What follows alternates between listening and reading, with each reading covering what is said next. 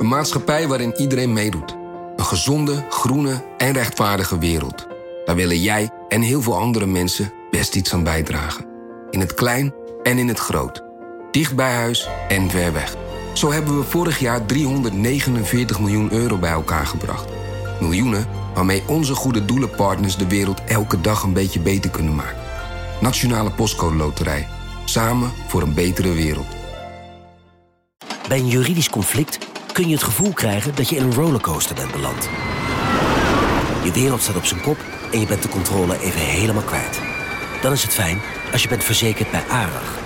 Daar werken topjuristen en advocaten die je begrijpen. Die een stap extra voor je zetten. En je het gevoel van controle teruggeven. Met kennis en informatie, met heldere uitleg en met gericht advies. ARAG, juridisch probleemoplossers.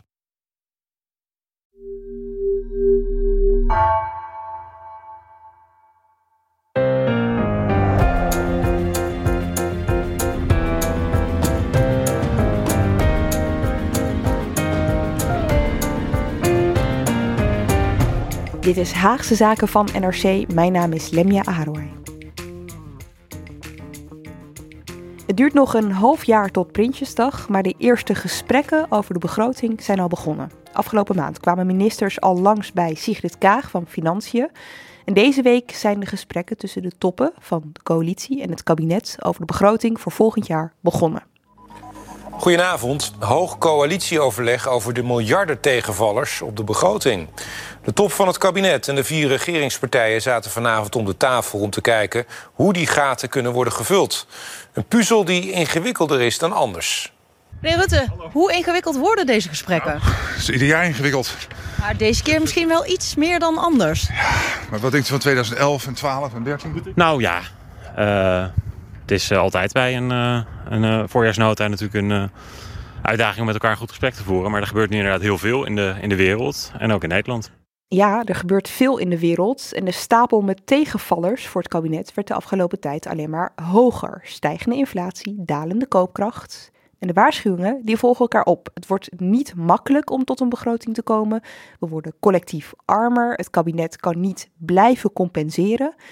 In deze Haagse zaken hoor je allereerst hoe die begrotingscyclus werkt. Met andere woorden, hoe leiden de gesprekken van nu uiteindelijk tot de presentatie van de miljoenennota? En we vertellen je over de tegenvallers en meevallers die daarop van invloed zijn. En dat doe ik met Marieke Stellinga en Philippe de Witwijnen. Welkom allebei. Hallo. Um, ja, goed. Die gesprekken zijn dus uh, begonnen over de voorjaarsbegroting in een samenstelling die eventjes, uh, Philippe, uh, terugbracht tot een soort déjà vu van tijden waarvan we dachten dat ze vervlogen waren. Het coalitieoverleg, zoals het altijd werd genoemd, was iets typisch van de vorige kabinetten van Rutte. Dat wil zeggen Rutte 2 en Rutte 3.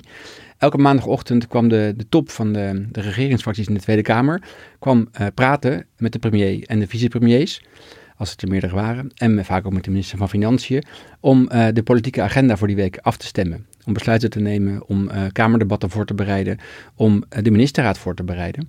En dat was een grote frustratie voor de Tweede Kamer, die minder zicht had op wat er in het kabinet gebeurde. Ook voor de coalitiefracties, de leden die er niet bij waren. Alleen de voorzitters waren erbij. En ook voor leden van het kabinet die er niet bij zaten. Die werden vaak voor voldongen feiten geplaatst als zij dan op vrijdag bij de ministerraad um, te horen kregen wat er maandag was besloten. Die klaagden nog wel eens dat ze een soort uitvoeringsmachine aan het worden waren. Ja. Oké, okay, nou toen werd alles anders na uh, Rutte 3, want alles zou beter worden, meer transparantie, meer dualisme. Maar er zat al een soort winstwaarschuwing bij van soms zal het moeten dat we toch even de koppen bij elkaar steken. En dit is zo'n moment, hè? praten over de begroting samen. Ja, want er ligt veel op tafel. Er moeten uh, eigenlijk. Kijk, het is ook vrij kort nu na de installatie van het nieuwe kabinet. Dat was in januari, uh, stond het op het bordes. Het coalitieakkoord uh, was net een maand eerder gesloten tussen de vier partijen.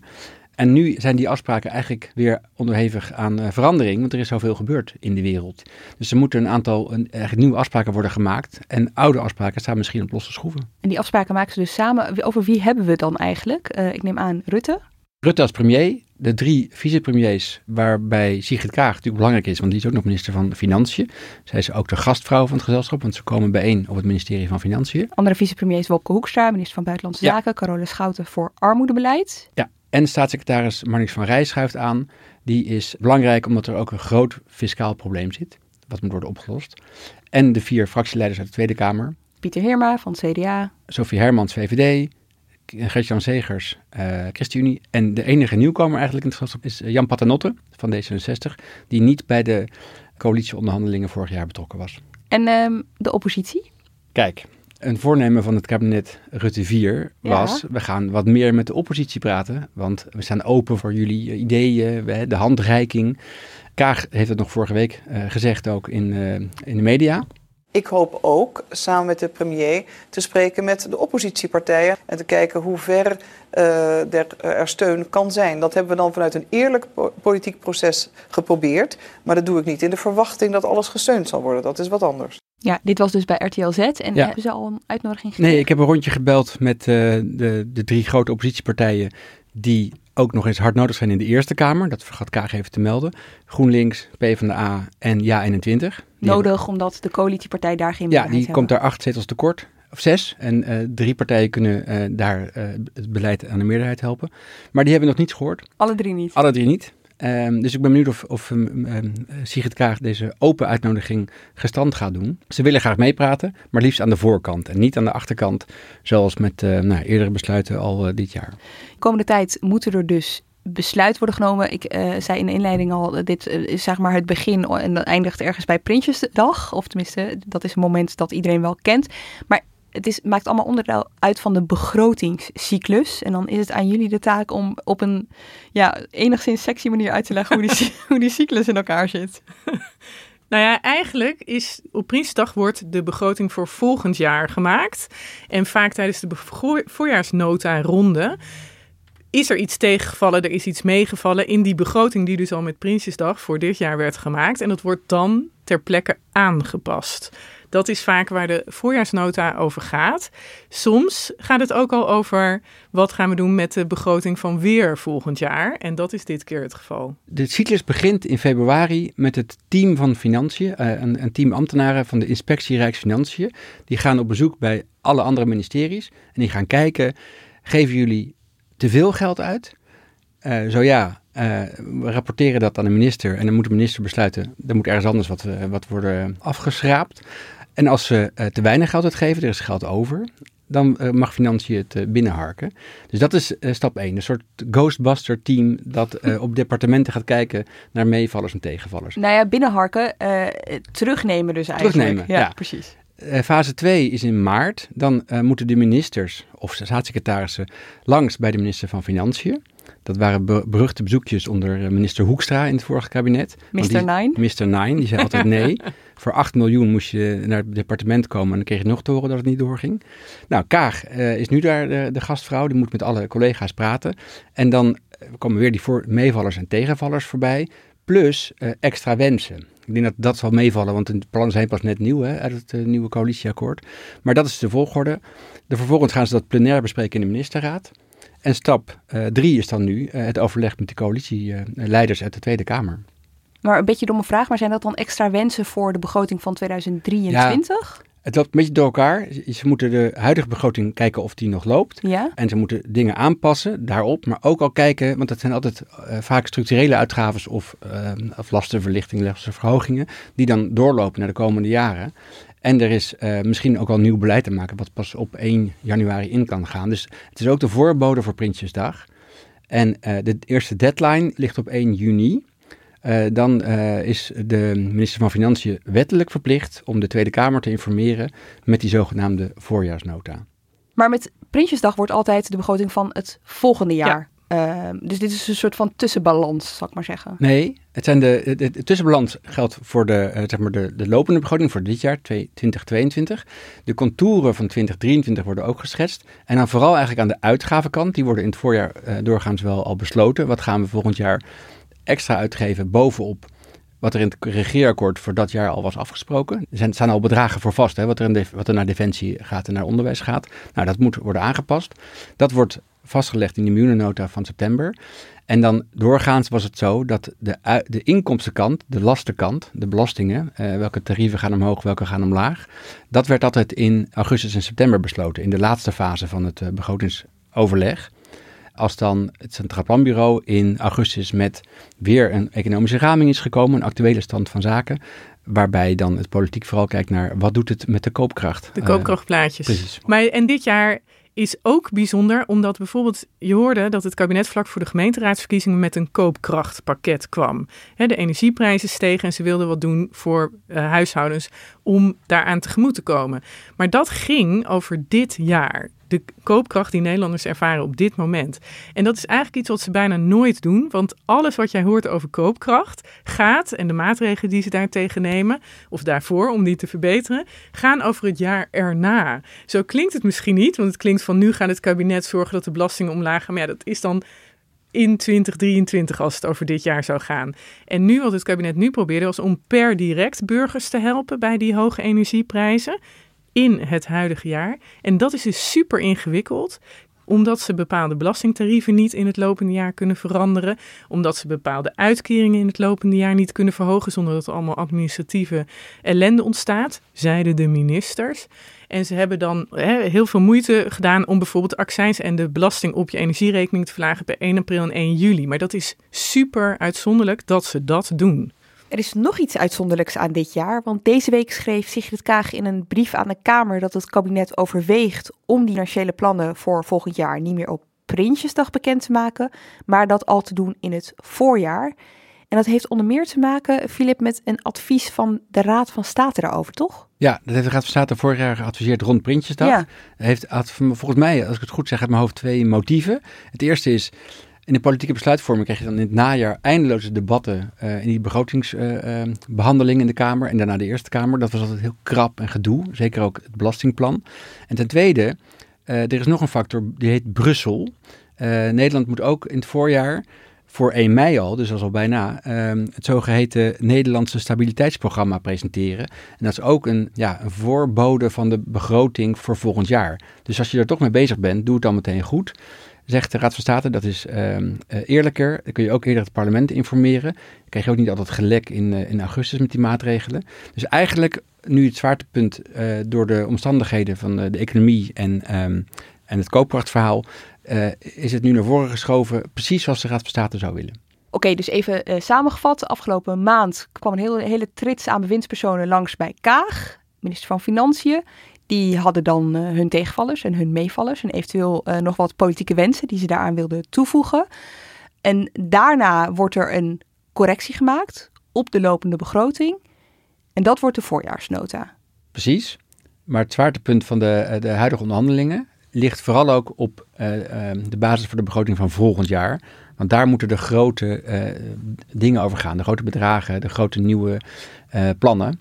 Koopkrachtreparatie, defensie, extra geld, dat soort zaken. Dus het legt tegelijkertijd ook al de basis voor de miljoenennota. Ja, precies, ja. precies. Exact. Vooral op het gebied van uitgaven traditioneel, ja. Oké. Okay. Maar goed, ik uh, zeg wel nieuwe politieke wensen, maar uh, de boodschap vanuit het kabinet de afgelopen tijd is eigenlijk vooral uh, manager van verwachtingen en zeggen dat er heel weinig kan. Bijvoorbeeld tegen jou, zei Kaag dat Filip onlangs. Bepaalde thema's, maar niet alles. Kijk, de voorjaarsbesluitvorming is nog steeds ook een moment waarbij je met andere ministers, niet diegenen die misschien direct over koopkracht gaan, dat we gaan kijken wat hun uh, wat zit er in, de, in het vat? Mm-hmm. Wat zijn de tegenvallers op hun begroting? Wat zijn de meevallers? Wat zijn er nog aan nieuwe politieke wensen? Nou, ik denk niet dat daar veel ruimte voor is. Maar uh, we wegen dat met elk ministerie. Dan is het de zaak om alles weer integraal bij elkaar te brengen. Ja, je hoort hij zeggen, ik denk niet dat daar heel veel uh, ruimte voor is. Dat komt omdat er in vrij korte tijd allemaal extra miljarden zijn gepland of worden uitgegeven die in eerste instantie niet in de begroting stonden. Uh, tegenvallers worden die dan genoemd en ik dacht laten we ze gewoon één voor één langs gaan. Ja, tegenvallers en wensen. Ja. He, je hebt een hele ja. reeks nou, kleinere posten waar iets tegenvalt. Bijvoorbeeld je hebt het Europese herstelfonds, daar zouden wij 5 miljard nog wat uit krijgen. Dat is nu maar 4,7. Tegenvaller 1 miljard euro aan inkomsten eenmalig. We gaan Oekraïners opvangen tegenvaller die niet hè, voorzien was, want dat kost geld. Nou, zo heb je een aantal van dat soort uh, tegenval. Europese minimumbelasting zouden komen voor bedrijven.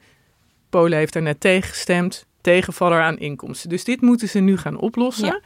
Uh, dan heb je een hele reeks kleinere uh, tegenvallers. Daar staan ook, hè, want dit wordt uh, gelekt of soms wordt het officieel gemeld dat er een tegenvaller is. Daar staan ook meevallers tegenover. Die zijn er ook natuurlijk. Bijvoorbeeld, wij hebben extra gasinkomsten als overheid, of wij, de overheid heeft dat, omdat de gasprijs nu zo hoog is. Dat is een meevaller. Die is al ingezet, hoor, overigens, voor het koopkrachtpakket. Maar goed, zo is er misschien nog meer. Dat hele overzicht gaan wij dus krijgen als die voorjaarsnota er is.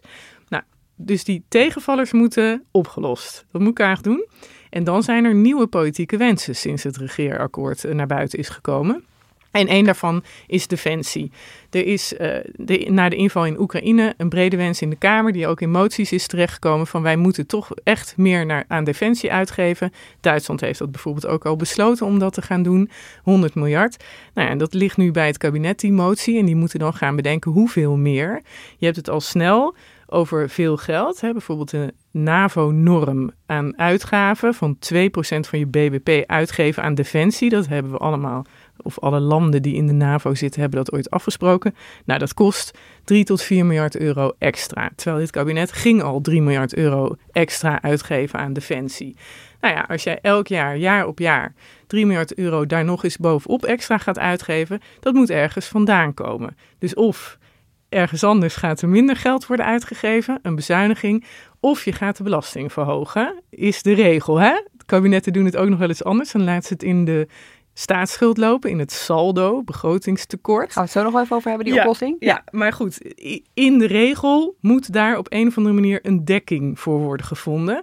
En het politieke gevecht gaat dus over hoe groot gaan we die wens maken. Hè? Gaan we daar 2 miljard of 3 miljard extra aan defensie uitgeven? Maar ook hoe gaan we dat dan dekken, die wens? Uh, ja, precies. Wat opvalt uh, bij defensie is dat er, er is een kamermotie aangenomen. Maar er werd wel bij gezegd, het kabinet moet gaan nadenken over nog meer geld naar defensie. Zonder dat het ten koste gaat van de geplande investeringen in onderwijs en nou ja, klimaat bijvoorbeeld, dat werd niet met naam genoemd, maar dat dacht D66 wel aan, die deze motie heeft ingediend. Met steun overigens van de andere uh, coalitiepartijen. En het tweede is, dat was mijn hobby in het, uh, tijdens het vorige kabinet, Defensie wil wel meer geld. En we willen wel meer geld uitgeven naar Defensie, maar dat is nog niet zo makkelijk. Je kunt wel zeggen 3 miljard uh, nu en nog een keer 3 miljard erbij. Maar de arbeidsmarkt is heel krap. Je moet materieel verzinnen, zien aan te kopen. Dus um, je kunt heel veel geld reserveren voor het is moeilijk om het uit te geven. Het is moeilijk om het uit te geven. Ja, ja en een tussenoplossing is dan dat je zegt over vier jaar willen wij naar die 2% groeien. Ja. En wij gaan langzaam elk jaar iets meer uitgeven om dat te bereiken. Dat dus dat het niet nu meteen nee, 3 miljard is, maar dat doen ze sowieso. langzaam oplopend. Ja, maar die oploopjes, ook in het vorige kabinet, toen was er ook wel geld naar Defensie uh, gestuurd, maar dat werd niet allemaal uitgegeven. Het is interessant wat jij zegt, want die motie dat was door uh, Brekelmans hè, van de VVD en Sjoerdsma van D66. Nou, de VVD, want al die partijen hebben natuurlijk ook eisenlijstjes voor zichzelf, hè, van wat zij willen. Voor de VVD was dat, dat Defensie nog meer geld zou krijgen. Voor D66 is dat heel sterk, dat die fondsen, daar hebben we het vaker over gehad in uh, Haagse Zaken, die nog niet gevuld zijn, maar waar wel het idee is van er gaat 35 miljard naar klimaat. Ja, dat bijvoorbeeld. Dat is natuurlijk het eerste offer dat je zou kunnen maken, want ze zitten nog niet vol. Dus dat geld zou je kunnen reserveren om bijvoorbeeld aan defensie uit te kunnen gaan geven. Maar voor D66 zijn die fondsen weer heilig, omdat ze denken: nee, je kan wel alleen maar bezig zijn met wat er nu allemaal speelt, maar we moeten toch ook parallel daaraan al denken aan de langere termijn. En zo'n motie vind ik dan echt het compromis, dat, daar, eh, dat klinkt daar dan heel duidelijk in door. Ja. ja Wel het geld ja. nu aan defensie, maar het mag niet hieruit komen. Ja, ja, en die fondsen moet je zien als een soort langjarig uitgavenprogramma. Hè? Daar hebben we het ook wel eens over gehad. Dus deze kabinetsperiode willen ze 10 miljard van die fondsen van in totaal 60 miljard ongeveer uitgeven. En dan de kabinetsperiodes hierna de rest. Ja, eh, precies. Maar daar kun je dus een beetje aan gaan tweaken als je denkt, oké, weet je wat, we geven deze periode minder uit en dan geven we meer uit aan de fans. En daarbij wordt het ook steeds kostbaarder om die fondsen in te zetten, want uh, het idee daarvan was geld lenen op de kapitaalmarkt, uitgeven van staatsleningen. De rente loopt inmiddels wat op. Dus het, het, een paar jaar terug, toen het fonds werd bedacht, toen was het uh, lenen nog uh, gratis. Of je kreeg er zelfs geld op toe met een negatieve rente. Die rente loopt nu op. Dus het wordt steeds duurder om geld te lenen. Dus het is lastiger om te zeggen, we gaan even makkelijk wat geld in het klimaatfonds uh, reserveren of daarvoor lenen. Oké, dus dat was het eerste punt waar extra geld aan uitgegeven wordt, waar niemand rekening mee had gehouden. Dat is dus defensie. Het tweede punt is koopkracht. Ja, en dat is heel bijzonder, want het kabinet heeft daar al geld uitgegeven. ordentelijk begrotingsbeleid zou zijn dat je alles in één keer in het voorjaar weegt. Hè? Alle meevallers, alle tegenvallers. Wat willen we meer, wat willen we minder? Nu dus. Nu, maar het kabinet besloot al half maart door de oorlog in Oekraïne, door de hoge energieprijzen en wellicht door de gemeenteraadsverkiezingen die een paar dagen later waren, uh, om extra geld te geven voor de koopkracht van mensen nu dit jaar, 2,8 miljard euro.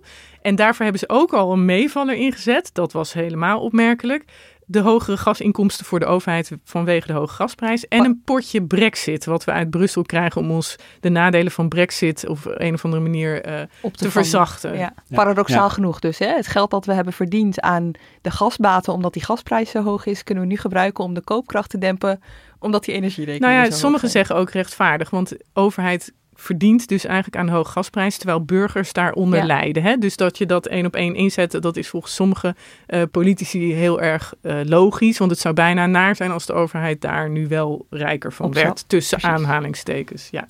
Ik hoorde je zeggen, Brieke, uh, het kabinet heeft het uitgegeven. is nog niet helemaal het geval natuurlijk, want ze hebben het aangekondigd inderdaad vlak voor de gemeenteraadsverkiezingen.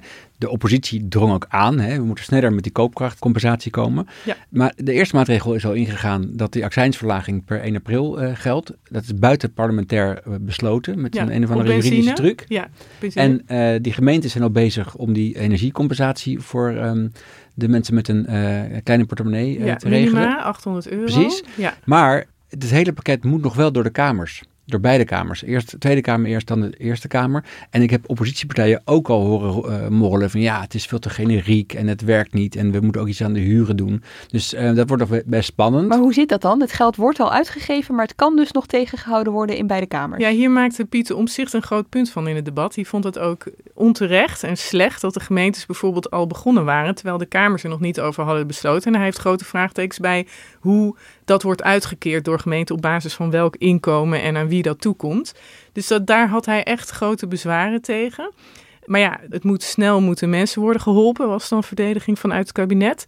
Uh, dat hoor je ook wel anderen zeggen, hè, dat je niet heel lang daarop moet wachten.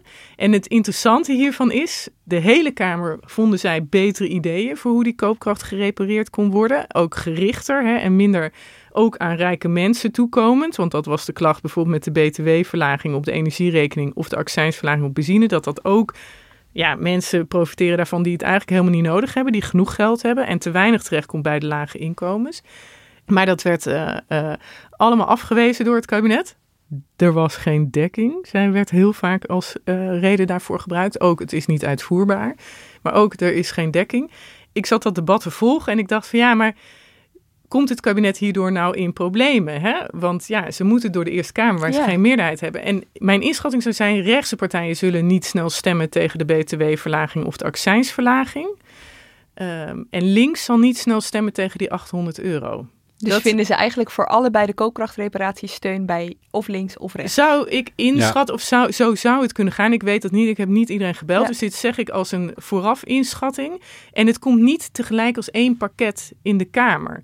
Dus Hè, het komt los. dus het zou kunnen dat ze met het een over links gaan, het ander over rechts. Maar dat, ja, nee, dat is heel slim. ik, uh, ik hoor wel die oppositie zeggen, die zijn gewoon wel geïrriteerd dat er niet naar hen wordt geluisterd, naar hun alternatieven. En dat dit pakket wel als een uh, ja, voldongen feit is neergelegd. Van, kijk, en dus al wordt uitgevoerd. Precies. Ja. En dat gaat nu ook gebeuren met al die dingen die worden besloten in het voorjaarsoverleg, begrotingsoverleg, waar de oppositie niet bij zit. En uh, valt hier een bedrag op te plakken? Hoeveel gaat dit het kabinet kosten? Die koopkrachtreparatie? Ah ja, 2,8 miljard 2,8 miljard. Ja, 2,8 miljard euro. En uh, even om duidelijk te maken dat, hier, dat dit best uitzonderlijk is. Vorig jaar oktober heeft het kabinet ook al besloten om 3,2 miljard euro uit te geven. Onder andere aan het verlagen van de energiebelasting op de energierekening. Ook dit jaar. Die twee verlagingen van belasting vallen allemaal dit jaar en is in totaal 6 miljard euro om ja, mensen te helpen bij de dreun die die hoge energieprijzen in hun portemonnee betekenen. Ja, want je zou het bijna vergeten, maar die prijzen liepen natuurlijk al behoorlijk op voor die oorlog Absoluut. in Oekraïne. Ja, ja toen was het al een groot probleem. Dus ja. daar hebben we defensie gehad, hebben we koopkracht gehad en dan komt uh, over steun en geen steun vinden, ja? Nee, we hebben koopkracht nog niet gehad. Sorry. Een nieuwe wens, hè? Nou ja, dat is een, eh, zo, ja, koopkracht is niet helemaal klaar, want de koopkracht voor volgend jaar gaan ze ook al over praten in het coalitieakkoord staat dat ze 3 miljard euro willen uitgeven om de koopkracht te verbeteren van groepen, bepaalde groepen, middeninkomens en aan de onderkant. Daar hebben ze nog niet de invulling van besloten. Dat zouden ze nu kunnen doen, zouden ze ook in aanloop naar Prinsjesdag kunnen doen. Dat is nog niet helemaal duidelijk. Maar de koopkracht zal blijvend een issue zijn voor dit kabinet, want die prijzen gaan natuurlijk niet zomaar omlaag. En de koopkrachtplaatjes zien er eigenlijk ja, uitzonderlijk in mineur uit. Hè? Dus dit jaar wordt een daling van de koopkracht voorspeld van min 2,7 procent voor een doorsnee huishouden. Ik wil ze hier zitten uitleggen, dat is het middelste huishouden, zegt allemaal niks over je eigen portemonnee. Maar goed, zo'n daling is super uitzonderlijk. Ja, oké. Hebben we dus defensie gehad, hebben we koopkracht gehad. Een derde uitgavenpost die erbij is gekomen gaat over jeugdzorg en over AOW. Eh, ja, dat is iets interessants. Dat zijn twee maatregelen uit het coalitieakkoord. Een besparing op de jeugdzorg van een half miljard. En uh, het is niet geschikt genomen een bezuiniging, maar een tijdelijke ontkoppeling van de AOW met de voorgenomen stijging van het minimumloon. dat waren plannen uit het coalitieakkoord. Daar was de oppositie heel boos over. En daar heeft de Eerste Kamer eigenlijk al een stokje voor gestoken. Want die hebben moties aangenomen om deze twee voornemens van dit kabinet ongedaan te maken. Ja, links en rechts, hè, links voor de en duidelijkheid. Rechts, dus daar is geen over links of Nee. over Nee. rechts optie. Nee. Die zit En dat betekent in. dus een probleem voor de jeugdzorg. Dat het kabinet moet nu ook gaan bepa- eh, bespreken in dat coalitieoverleg. eh, hoe gaan we reageren op die motie? Gaan we hem uitvoeren? Eh, dat gaat bij de jeugdzorg dus geld kosten. En die AOW, eh, dat is een ingewikkelde. Plan was om het minimumloon te gaan verhogen. En de AOW zou, normaal gesproken groeit de AOW-uitkering mee met het minimumloon. Dat wil dus nu loslaten voor dit ene jaar. Met wat voor gedachten? Ik denk dat het te duur zou zijn en te generiek zou zijn. Omdat alle ouderen eh, AOW krijgen. Dus ook mensen die al eh, nou, of heel veel geld hebben, een groot vermogen hebben of een eh, goed pensioen zelf hebben geregeld. En het hele grapje kost 2,4 miljard. Als die AOW-ontkoppeling toch ongedaan wordt gemaakt, dus het wordt weer gekoppeld aan het minimumloon, dan zal dat ongeveer 2,4 miljard kosten jaarlijks. Dat moet dan elk jaar worden uitgekeerd. Ja, dus dat is een flinke post. Absoluut. Ja, en er zijn ook bij ons in de krant al best wel wat economen geweest die hebben gezegd van ja, de bijstandsgerechtigden, de werkenden op hè, minimumloon, rond minimumloon, die blijven al tijden achter eigenlijk bij eh, de koopkrachtontwikkeling van andere groepen. Eh, dus die, ja, je kan ook echt betogen dat het niet gek is om even één keer niet die verhoging mee te geven eh, met de AOW aan ouderen. Ook omdat, zoals jij zegt, het ook bij alle ouderen terechtkomt. Hè? Dus ook ouderen die echt geen inkomensprobleem hebben. Nee, en en eh, eh, de Eerste Kamer heeft er dus in politieke zin een stokje voor gestoken. Wat me opviel was bij dat debat eh, over de regeringsverklaring in de Tweede Kamer, dat de vier coalitiepartijen, eh, bij monden van eh Sofie Hermans van de VVD en Pieter Heerma van het CDA, het ook al hadden over ja, we moeten wel iets doen aan de ouderen. Er wordt gedacht via AOW of iets gerichter, via, ehm hoe heet die andere uitkeringen voor ouderen. Je kunt de ouderenkorting kun je mee spelen. Ja. En met eh, de IOAOW, een speciale. IAOW, ja. Ja. Collega Hermans had het hier al over. Die zei ook dat ze daar niet zich nu wilde vastleggen op de, welke manier. En zij noemde daarbij ehm, de mogelijkheden om het, ehm, de ouderenkorting verder te verhogen. Of de IO-AOW te verhogen. Wat eigenlijk een kop op de AOW is die iedereen krijgt. Een andere variant zou kunnen zijn om de AOW zelf te verhogen. En mijn vraag aan het kabinet omdat we een afspraak gemaakt hebben om de koopdracht, is om dit voorjaar bij de voorjaarsbesluitvorming dus met reparatie te komen. Ja, hier hoorden we Pieter Heerma van het CDA, die nu ook dus meepraat met het coalitieoverleg. En die heeft dit betoog ook in een, eh, in een motie verwat, eh, die, eh, die is aangenomen. Oké, dus dit onderwerp ligt sowieso ook op tafel. Ja, en interessant daarbij was in het koopkrachtdebat uh, vroeg Jesse Klaver, hè, dat was het debat naar aanleiding van dat 2,8 miljard pakket, vroeg Jesse Klaver om uh, berekeningen van de coalitie voor, die ten grondslag lagen aan de besluitvorming. Dus hij wilde weten hoe is het nou gerekend, hoe zijn verschillende opties afgewogen. De Kamer moest ook weten hoe dat in elkaar zat. En een van de documenten die toen naar de Kamer ging, met nog veel meer, ik heb ze uh, lekker zitten doorspitten, is uh, dat ze rekenden van wij kunnen die AOW verhogen met het minimumloon, maar hoe gaan we dat dan dekken door belastingen voor ouderen op een andere manier te verhogen? He, dus aan de ene kant krijgen ouderen dan meer geld, maar aan de andere kant waren allemaal doorrekeningen gemaakt van, nou ja, wat jij zegt, de ouderenkorting omlaag. He, dan gaan ze meer belasting betalen of een andere belasting omhoog. En dat leidde ook wel tot uh, ergernis bij bijvoorbeeld GroenLinks van ja, maar nu gaan ouderen dan weer zelf. Broekzak, die, vestzak. Ja, maar niet helemaal nee. misschien, zeg ik, want dat zou een manier kunnen zijn om het bij de rijkere ouderen Oh. niet terecht te laten komen. Zou kunnen, weet ik niet. Gaat het toch weer een beetje over de verdeling van... Alles gaat over herverdeling. De hele politiek gaat over herverdeling. En zeker het laatste punt dat op tafel is komen te liggen eh, in dit rijtje. Meteen ook wel misschien de politiek ingewikkeldste op deze lijst. En dat gaat over de verdeling van welvaart in Nederland. De spaartax. Ja, de belasting op vermogen. Ja, een heel ideologisch punt. Hè? Ja. Eh, en daar, dat is allemaal in een stroomversnelling gekomen in december vorig jaar, 24 december om precies te zijn, na een uitspraak van de Hoge Raad. De spaartax die spaarders en beleggers een paar jaar hebben betaald over hun vermogen was in strijd met de wet. Dat is het oordeel van de Hoge Raad. Spaartax is de belasting die mensen betalen over hun vermogen. Het gaat om de jaren 2017 en 2018. De Belastingdienst ging toen uit van fictieve rendementen, maar in werkelijkheid haalden de spaarders lagere rendementen. De uitspraak kan gevolgen hebben voor 60.000 andere bezwaarmakers. Volgens mij noemde Kamerlid van de ChristenUnie Pieter Grimwist dit een midscheepse torpedo op het eh, regeerakkoord, of niet, eh Filip? Weet jij dat nog? Ja, omdat het, eh, het gaat over veel geld. Eh, die 60.000 eh, spaarders moeten gecompenseerd worden.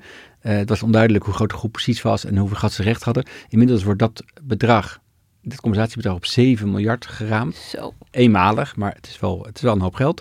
En eh, die hele belastingheffing op vermogen is gewoon stopgezet. De Belastingdienst is, moest daarmee stoppen op last van de Hoge Raad. Dus op dit moment vindt Nee. dat Nee. niet plaats. Nee, en, dat, en dat is per jaar 4, 5 miljard.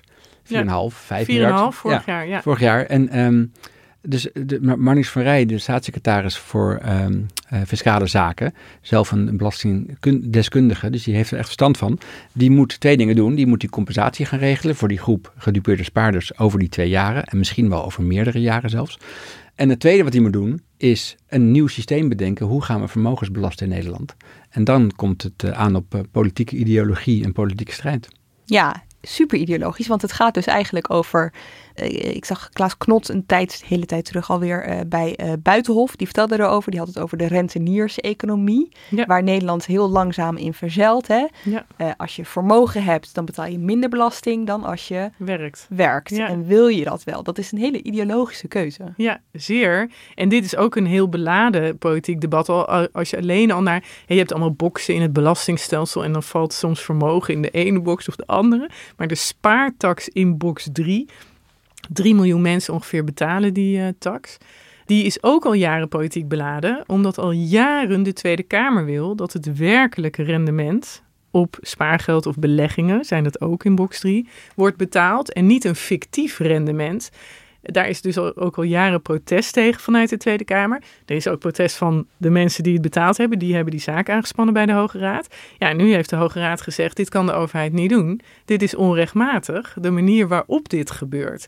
Nou, het kabinet wilde al die belasting veranderen in een belasting op werkelijk rendement per 2025, want eerder zou het niet lukken. En nu zitten ze dus met de kwestie dat ze een gat hebben in de begroting van 4,5 miljard euro, want dat bracht het ongeveer op vorig jaar, die spaartax in box 3. Dat ze de mensen moeten gaan compenseren en dan moeten bedenken wie. Want er zijn natuurlijk ook mensen in box 3 die heerlijk hebben belegd de afgelopen jaren en die helemaal niet te veel belasting hebben betaald. Ja, ja. Hè, want die hebben een hartstikke lekker rendement, veel hoger dan het fictieve rendement gehaald. Ja, ik denk niet dat ze erop zitten te wachten dat daar nog even een compensatiebedrag naartoe gaat. Dus je moet onderscheiden wie welke rechten heeft tussen spaarders, beleggers, groot vermogen, klein vermogen. Nou, ga er maar aan staan.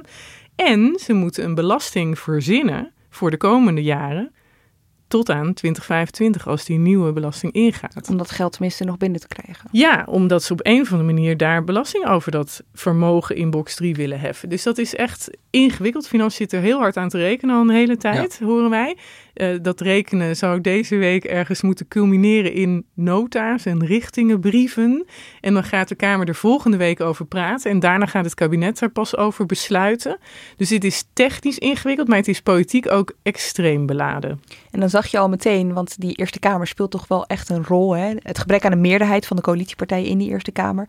Zag je al meteen vorige week eh, Jesse Klaver in het Financiële Dagblad. Wat ik overigens echt een hele interessante combinatie vond voor deze boodschap. eh, die daar PvdA vertelde ook van, nou ja, als het kabinet niet komt met een grote herziening van het belastingstelsel, dan wordt het toch wel heel erg moeilijk. En hij begon, nou ja, het is ook een stokpaardje van hem, het is de man die Piketty ooit naar de Kamer Ja, haalde. ja. ja, uiteindelijk moet die ongelijkheid gewoon kleiner worden. Dat was zijn eh, boodschap. En een dag later kwam Marnix van Rijn naar buiten naar de ministerraad.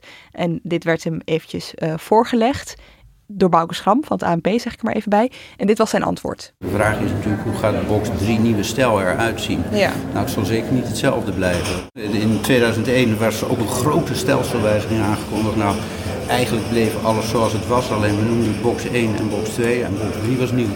Ja, kijk, als het, eh, het verleden moet je natuurlijk oplossen. Eh, maar we komen ook echt met een contourennota. Hoe ga je inkomsten uit vermogen eh, belasten vanaf 1 januari 2025? En dat is echt anders. Dus eh, nee, ik, ik denk dat eh, eh, de heer Klaver nog wel eens eh, aangenaam verrast kan zijn. Ah, ja? oké. Dat gaan we zien.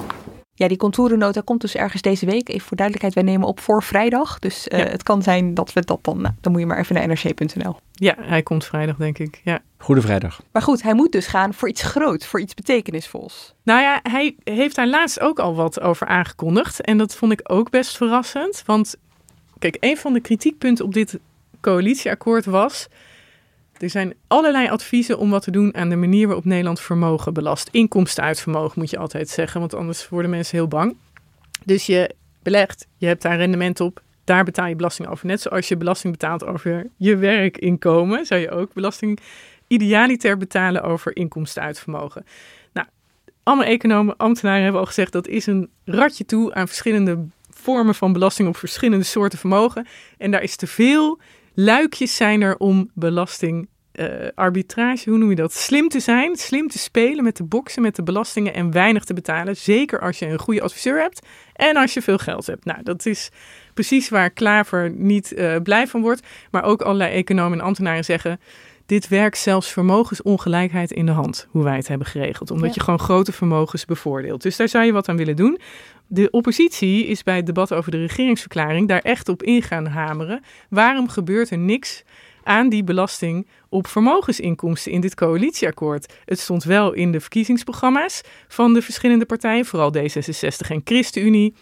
Er wordt vaak gezegd CDA en eh, VVD ook, maar dat was minimaal. ging vooral over winstbelasting van bedrijven. Maar goed, hè, iedereen wilde wat daaraan doen en ze doen niks. Ze laten het helemaal liggen. En in deze tijd, waarin volgens eh, eh, sommige partijen de ongelijkheid zo toeneemt, dus doe er wat aan. Dus dat was echt een van de, punten waarop de oppositie Rutte aanviel. En direct, of nou, niet direct daarna, maar een paar weken later kwam het, de economen van het Centraal Planbureau. Die kwamen met een onderzoek. Wie betaalt nou wat aan belasting in Nederland? De sterkste schouders dragen niet de zwaarste lasten, want de rijkste Nederlanders betalen een stuk minder belasting dan we tot nu toe aannamen.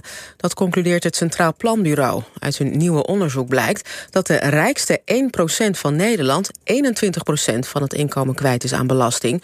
Bij midden- en hoge inkomens gaat het om 40%. Ja, op dit onderzoek kwam ook enige kritiek en relativering, want het CPB heeft eigenlijk allerlei statistische manieren eh, gevonden om alle belastingen die wij betalen te wegen naar inkomen. En dat is natuurlijk super ingewikkeld. Hè? Dus ook de BTW en ook de sociale premies.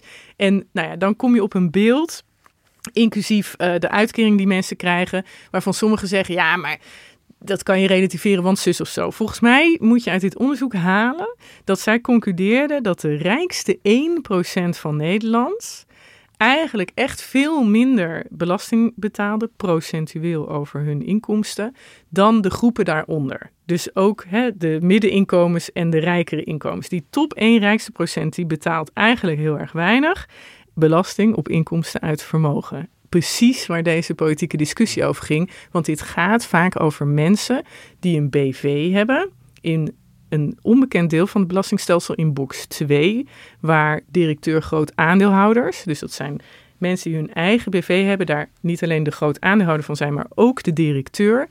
Uh, bijvoorbeeld partners van uh, accountantskantoren mm -hmm. zijn mensen, maar ook uh, familiebedrijven in Nederland. Hey, je hebt gewoon best wel grote rijke personen in Nederland die in box 2 belasting betalen. En die betalen relatief weinig belasting over hun inkomsten uit vermogen, omdat er manieren zijn om met dat vermogen een beetje uit te stellen, van jezelf te lenen enzovoort. Er zitten ook in box 2 sigarenboeren. Daar gaat dit niet over. Uh, hè, want die, die worden er altijd ook boos van als je ze allemaal onder één hoedje schaart. Het gaat maar eigenlijk vooral... om de mensen die het doen omdat het kan. Een soort handigheidje. Ja, die, die box 2 en box 3, daar kan je ook tussen weer spelen. Als jij handig bent, als jij veel geld hebt. En dat hebben nu economen geconstateerd, ambtenaren. En naar deze berekening liet ook weer zien. Echt, als je echt veel geld hebt, dan kan je daar te veel in spelen in dat belastingstelsel. Als je als ondernemer een miljoen verdient uh, aan winst. Of als, uh, wat zei je, advocaatpartner uh, winstdeling van je, van je maatschap. Dan kun je dat in je, in je BV in box 2 stallen. Daar betaal je geen inkomstenbelasting over, want dat is vermogen. Maar dan in een box is een ondernemersvermogen. Maar wat zij ook doen, uh, ze keren zichzelf uh, aan salaris relatief weinig uit. Daar heb je een minimum voor, weet misschien 50.000 euro. En daar betaal je inkomstenbelasting over. Maar dan heb je dus een laag inkomen op papier, maar je hebt uh, aan winst uit je onderneming, dividend stort je in je BV in box 2, daar betaal je dan geen belasting over. Ja. En, daar is nu de discussie over. Links is al jaren op jacht naar, we moeten box 2 nou, leeghalen, zeggen ze dan een beetje populistisch, maar daar moeten ze naar kijken. Ik heb het gevoel dat de VVD daar niet aan wil. Het CDA ook niet graag, maar Marnix van Rij begint er nu ook over te praten. Dat is interessant, want hij is van het CDA. Ik denk dat D66 en ChristenUnie het ook eerlijk vinden om daar naar te gaan kijken. Ja, die willen dat. Ja, dus daar gaat nu de discussie over achter de schermen. Mijn uh, inschatting is, en bijna ook voorspelling, daar gaan ze nu niet helemaal uitkomen. Er zal wel weer een tussenoplossing komen voor deze korte termijn. En dat dan uh, die grote hervorming waarbij dit gaat gebeuren pas, uh, nou ja, later zal plaatsvinden. Ja, dat niet nu, nu, maar dat hij het aankondigt in zijn nieuwe plan. Want als Van Rij zegt, Jesse Klaver gaat verrast zijn, zeggen. dan zijn we toch wel bij box 2, zou ik denken. Maar goed, en hij zei laatst in reactie op dat CPB-onderzoek, ging hij een speech houden bij het CPB, wat heel politiek spannend was. We zaten er allemaal helemaal klaar voor en er was geen internetverbinding. Dus echt een mensen die werden toen even niet goed. Maar goed, hij heeft de speeches later op internet gezet. Ja, ja. Van Rij zei daar, we moeten ook naar box 2 kijken als we over dit probleem spreken. Dus dat daar iets gebeurt en dat hij. Ooit is het belastingstelsel begonnen dat iedereen die belasting betaalde in box 1, dat is gewoon werkbelasting uit je werkinkomsten. En box 2 ongeveer hetzelfde belastingdruk hadden, hetzelfde percentage. En dat is in de loop der jaren veel minder geworden in box 2. Dat moest weer gelijker in balans komen. We zullen het woord balans ook nog vaker horen de komende weken, denk ik. Maar goed, hij gaat dus wel iets betekenen. Ja, hij gaat dus wel hij maakt de verwachtingen wat hoger, toch? Ja. Ik ben benieuwd of hij, of hij dat ook dan gaat winnen met, uh, met de VVD. We gaan het zien. Nou goed, lange uh, lijst met tegenvallers. Interessant wat jij zegt aan het begin uh, van dit verhaal, Marieke. Er zijn ook meevallers, dus dat speelt ook een rol. Ja. de miljarden vliegen je om de oren, ook in deze aflevering. Van vooral die tegenvallers, daar wordt de spotlight heel erg op gezet. En dat wordt ook genoemd als reden door Kaag, door Rutte, om die verwachtingen te temperen. Ja. Ja. Waarom is dat?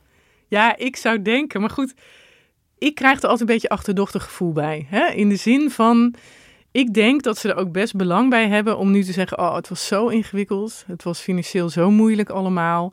De Tweede Kamer heeft tot nu toe altijd bij elk pakket gezegd meer. Hè? Dus koopkracht te weinig, uh, steunpakketten te weinig, um, regeerakkoord te weinig, terwijl er al zoveel geld wordt uitgegeven. Dus ja, de coalitie heeft er denk ik belang bij om nu te zeggen dat het allemaal heel erg moeilijk is om alle gaten te dichten, om de verwachtingen te managen en later misschien ook te kunnen verantwoorden dat ze niet heel veel geld uh, uh, extra nog een keer gaan uitgeven op sommige terreinen. Valt er een bedrag op te plakken? Want ik heb echt van alles voorbij zien komen. 20 miljard, 10 miljard. Het bedrag dat wij bevestigd kregen deze week was die 7 miljard euro compensatie eenmalig voor de mensen die in box 3 belasting hebben ja. betaald de afgelopen jaren. En verder is er dan, uh, dus er is een miljard tegenvaller vennootschapsbelasting Zit ongeveer. Er is een miljard tegenvaller uh, in het herstelfonds. Ja, maar dit is eenmalig, hè? Eenmalig, dus oh. kun je niet meerekenen structureel. Nou ja, die, die, die, kan je dus eenmalig boek je die in, want die vennootschapsbelasting, daar heeft Polen nu tegen gestemd, tegen het minimumtarief, maar die zou Polen zou nog akkoord kunnen gaan en dan een jaar later wordt die ingevoerd. Dan zit je nu wel dit jaar met een probleempje, maar dat hoeft niet eindeloos. Nou, zo heb je een aantal van die dingen. Dan heb je nog de politieke wensen. Als ze die gaan uitvoeren. 2,4 miljard AOW, 500 miljoen jeugdzorg. Defensie 3 Defensie 1 tot 3 miljard euro. Uh, nou ja, zo you name it. Maar goed, mijn benieuwdheid is A, wat van die mensen gaan ze realiseren? En B, waar gaan ze het vandaan halen? Ja. Dus gaan ze ergens minder uitgeven en gaan ze ergens de belastingen verhogen? En als je het hebt over belastingen verhogen, dan komt natuurlijk die vermogensinkomstenbelasting in beeld. Hè? als eerste in of het oog. daar Ja, wat te halen valt, box 2. Ja.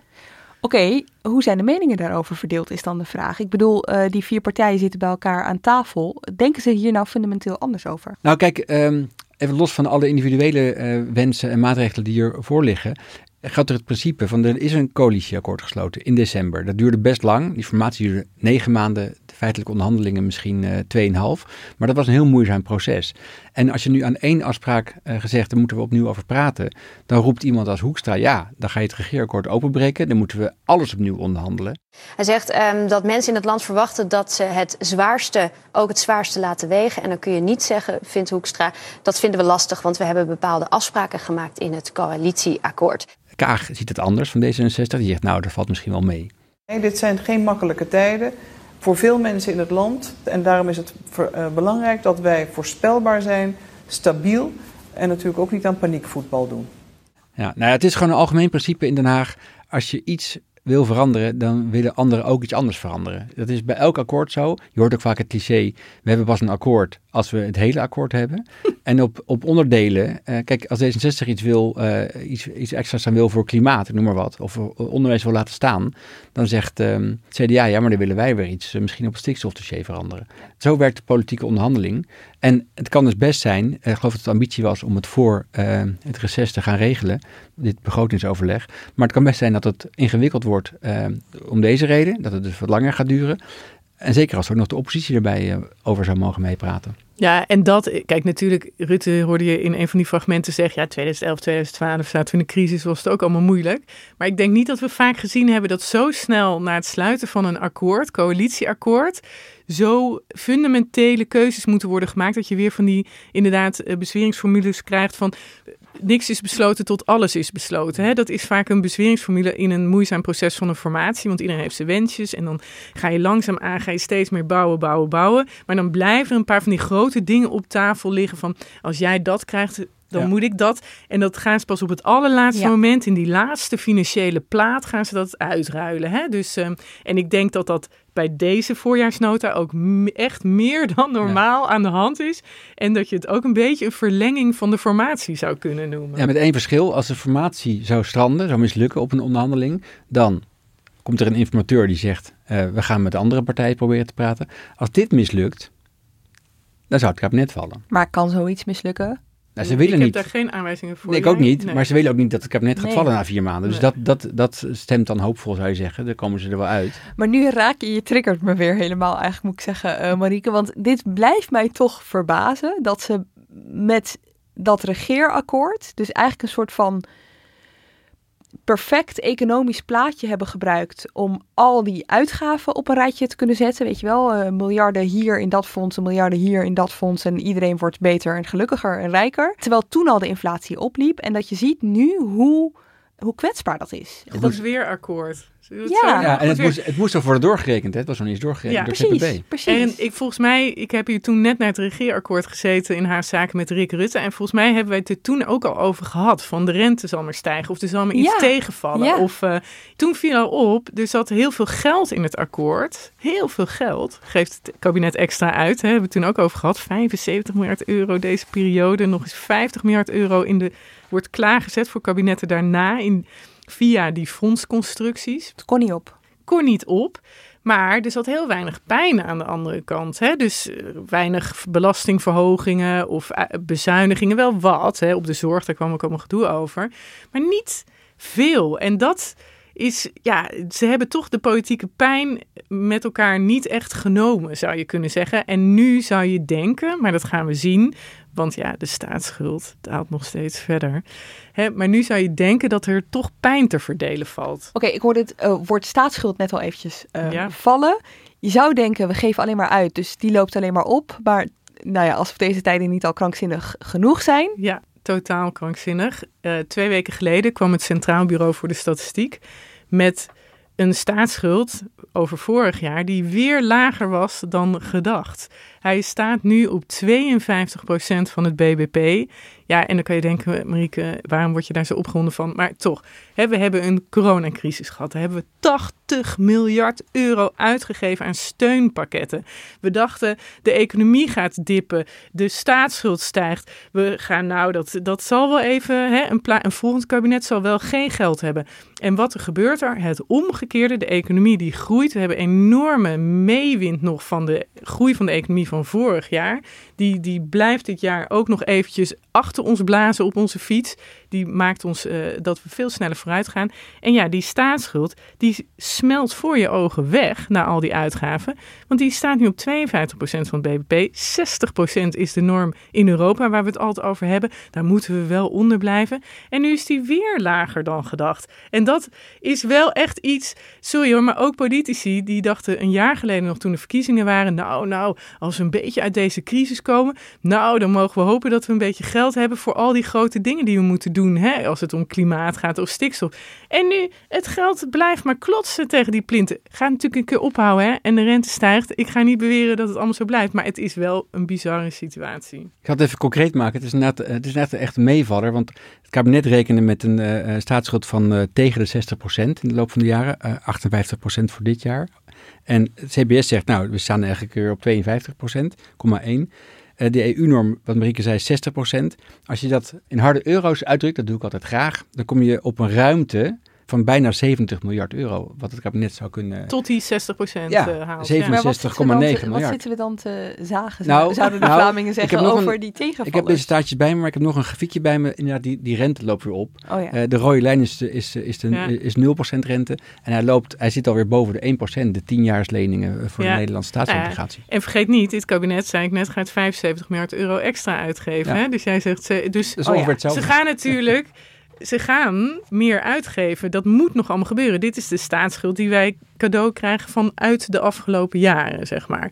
Dat, ja, als de economie dit jaar krimpt, zou zomaar kunnen, dan stijgt die staatsschuld ook alweer relatief tot maar wacht de economie. even. Als de ruimte 70 miljard is, totdat we tot die Kleine 60 miljard, 70 miljard, ja. totdat we tot de 60% komen. Hè?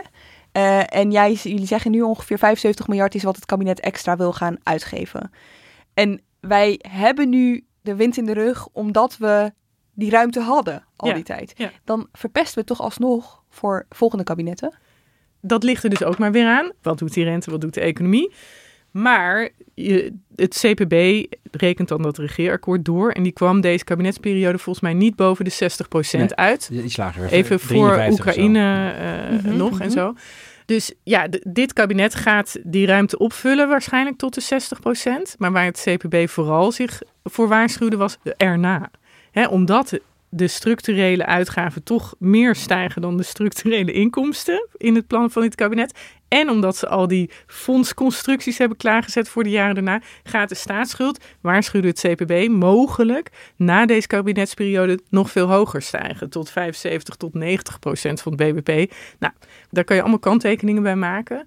Maar we moeten ondanks dat die staatsschuld voor je ogen wegsmelt en op een of andere manier de overheid zoveel kan uitgeven zonder dat daar een effect op de schuld voor is de afgelopen jaren, moeten we niet doen alsof dit kabinet geen enorme bedragen uitgeeft, waarmee mogelijkerwijs die staatsschuld ook fors gaat toenemen. Zij het niet de komende jaren, dan de jaren daarna. Oké, die staatsschuld die blijft maar dalen.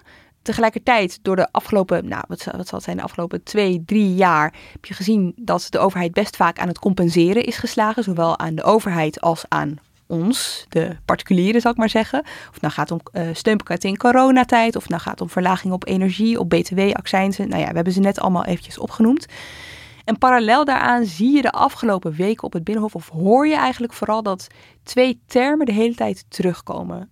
Er wordt gewaarschuwd voor compensatie, verslaving, voor een compensatie-economie, voor een compensatiemaatschappij. Ja. Iedereen gebruikt er zo zijn eigen woorden voor.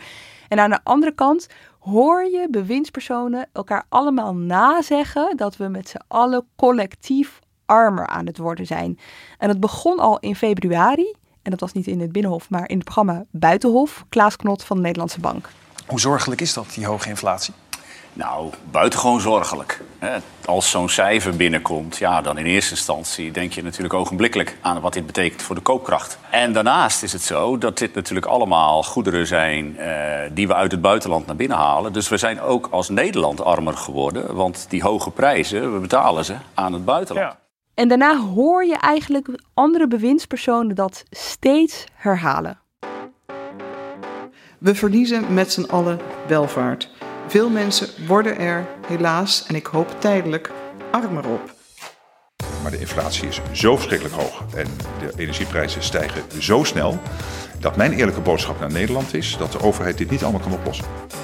Eén ding is zeker, we gaan het allemaal merken en we hebben gewoon een collectief welvaartsverlies. We moeten heel reëel zijn. Met, met deze oorlog in Oekraïne en effect op de energieprijzen gaan we dat allemaal echt dit jaar voelen. En dat zal leiden tot collectief minder besteedbare ruimte en dus collectief uh, enige verarming.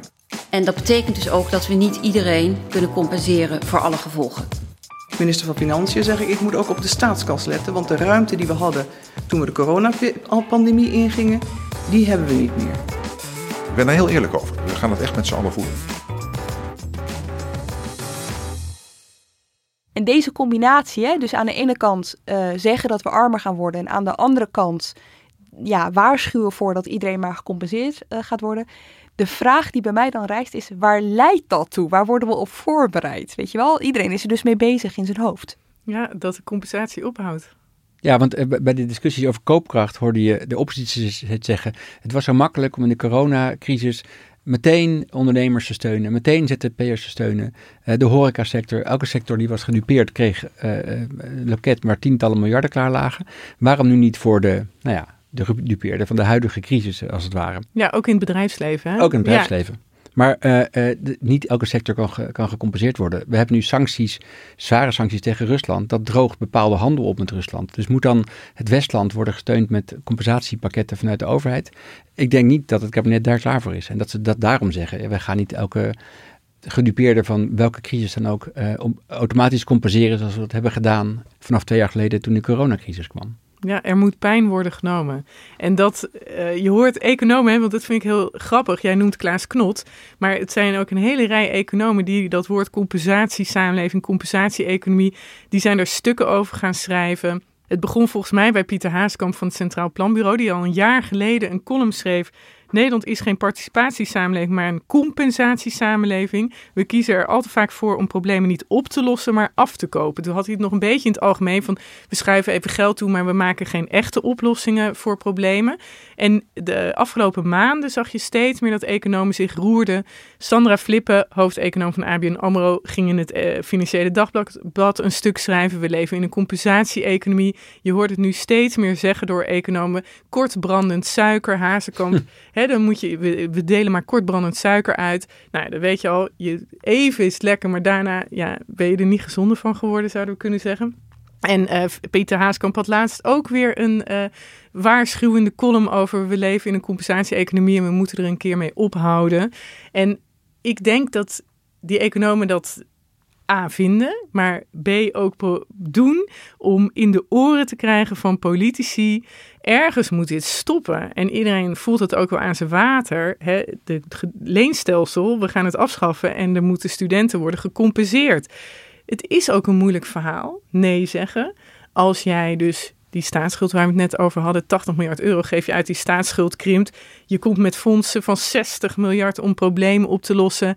Mark Rutte zegt op Prinsjesdag vrolijk: Nou, zo jammer dat we nog geen, uh, niet aan het formeren zijn, want we hebben nu zoveel geld, we hebben tientallen miljarden. Dus hoe ga je dan nu schakelen met dat verhaal? Ja, maar voor jou niet. Nee, oké, ja, die groep is, heeft ook zwaar. Maar ja, daar hebben we geen geld meer voor. Hoe ga je dat politiek gezien draaien? En je voelt aan alles dat nou ja, het kabinet eigenlijk al tijden probeert die boodschap in te masseren. Collectief armer, we hebben geen geld. Nou, en je hoort ook al de oppositie zeggen... Ja, jullie zeggen dat je geen geld hebt. Maar jij, Jesse Klaver, heeft helemaal geen belasting op mensen met veel geld. Ga daar eerst maar eens het geld halen. Nou, dit wordt het politieke gevecht van de komende tijd. Nou, uh, 1 juni. 1 juni moet die voorjaarsnota liggen. Ja, maar ze willen het uh, hopelijk in mei, in mei zeggen ze willen ze het wel klaar hebben. Over een week of twee, drie. Gaan we het zien. Wie weet. Dank jullie wel. Filip de Witwijnen en Marieke Stellinga. Dank ook voor het luisteren. Redactie en productie van deze aflevering waren in handen van Mirjam van Zuidam. Montage door Pieter Bakker. En volgende week zijn we er weer. Heel graag. Tot dan.